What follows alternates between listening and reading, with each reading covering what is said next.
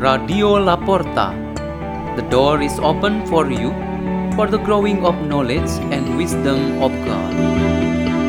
Delivered by Vesti Maria Faustin and Alexander Georgi from the Catholic Religious High School, St. John Paul II Seminary, Labuan Bajo, Indonesia.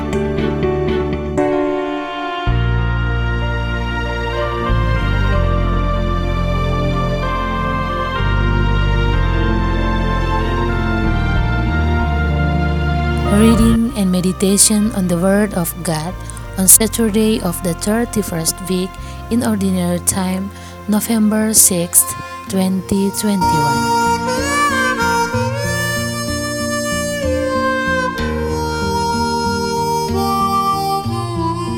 The reading is taken from the Holy Gospel according to Luke.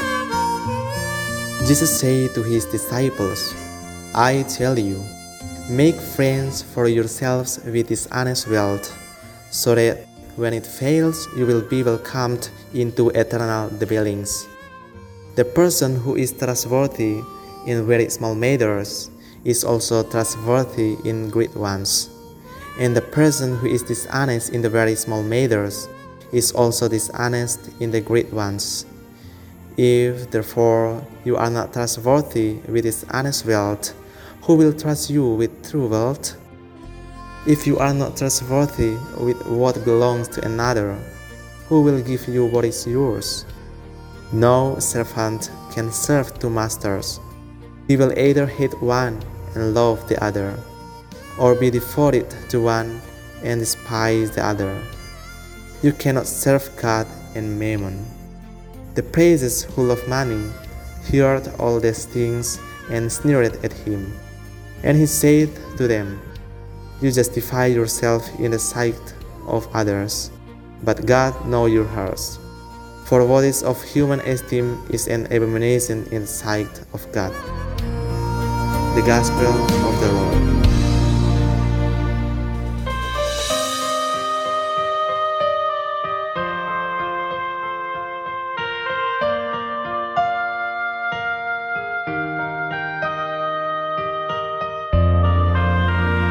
The theme for our meditation today is Mammon and Us. The needs in human life basically include two main aspects, namely spiritual and physical or corporal needs. One simple example that illustrates how these two needs must be balanced in everyone's life. You need to work for a living about 8 to 9 hours every day. This belongs to the physical aspect in your life. The rest should be still a number of hours for you to rest, to be with family members, to pray, to reflect, and to have personal quiet moments. This belongs to the spiritual aspect in your life. The physical needs are important to us because we have physical or bodily activities and all other works that are very dependent on the corporal works. Likewise, the spiritual needs are also important to us because we have mental and spiritual dimension of life. Our minds, hearts, and souls also work within the limits of their capabilities. Our most significant mental and spiritual work that leads the way to salvation is our relationship with God. This relationship should not be hindered by any physical work, which is usually on the activities of the body and the various interests of this world. In the Gospel account we have just heard, the Lord Jesus explains that our initiative and wisdom to act against the influence of world's interests is something very important we must do. We must not be deceived and enslaved by this interest, which is generally called as mammon.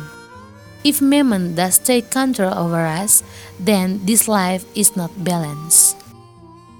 We are taught to be smart and prudent in managing or care for the goods of this world and various possessions. Our faith and human quality will be tested here, which according to Jesus we may be dealt with small matters in this life.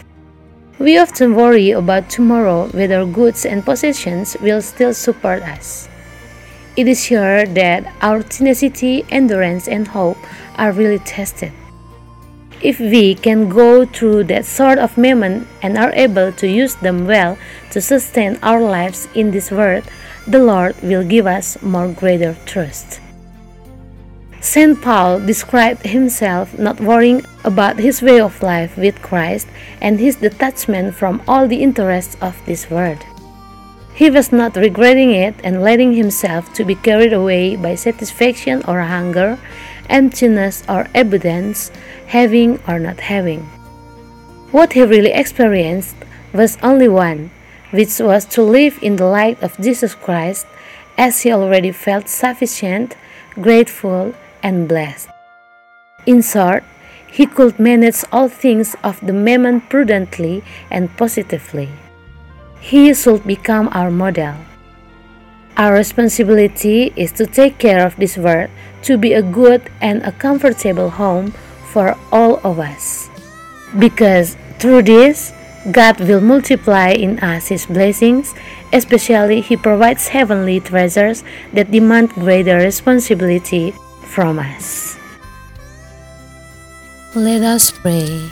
In the name of the Father, and of the Son, and of the Holy Spirit. Amen.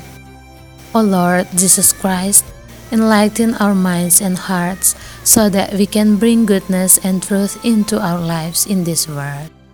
Hail Mary, full of grace, the Lord is with you. Blessed are you among women, and blessed is the fruit of your womb, Jesus. Holy Mary, Mother of God, pray for us sinners now and at the hour of our death. Amen. In the name of the Father, and of the Son, and of the Holy Spirit. Amen. Radio La Porta. The door is open for you.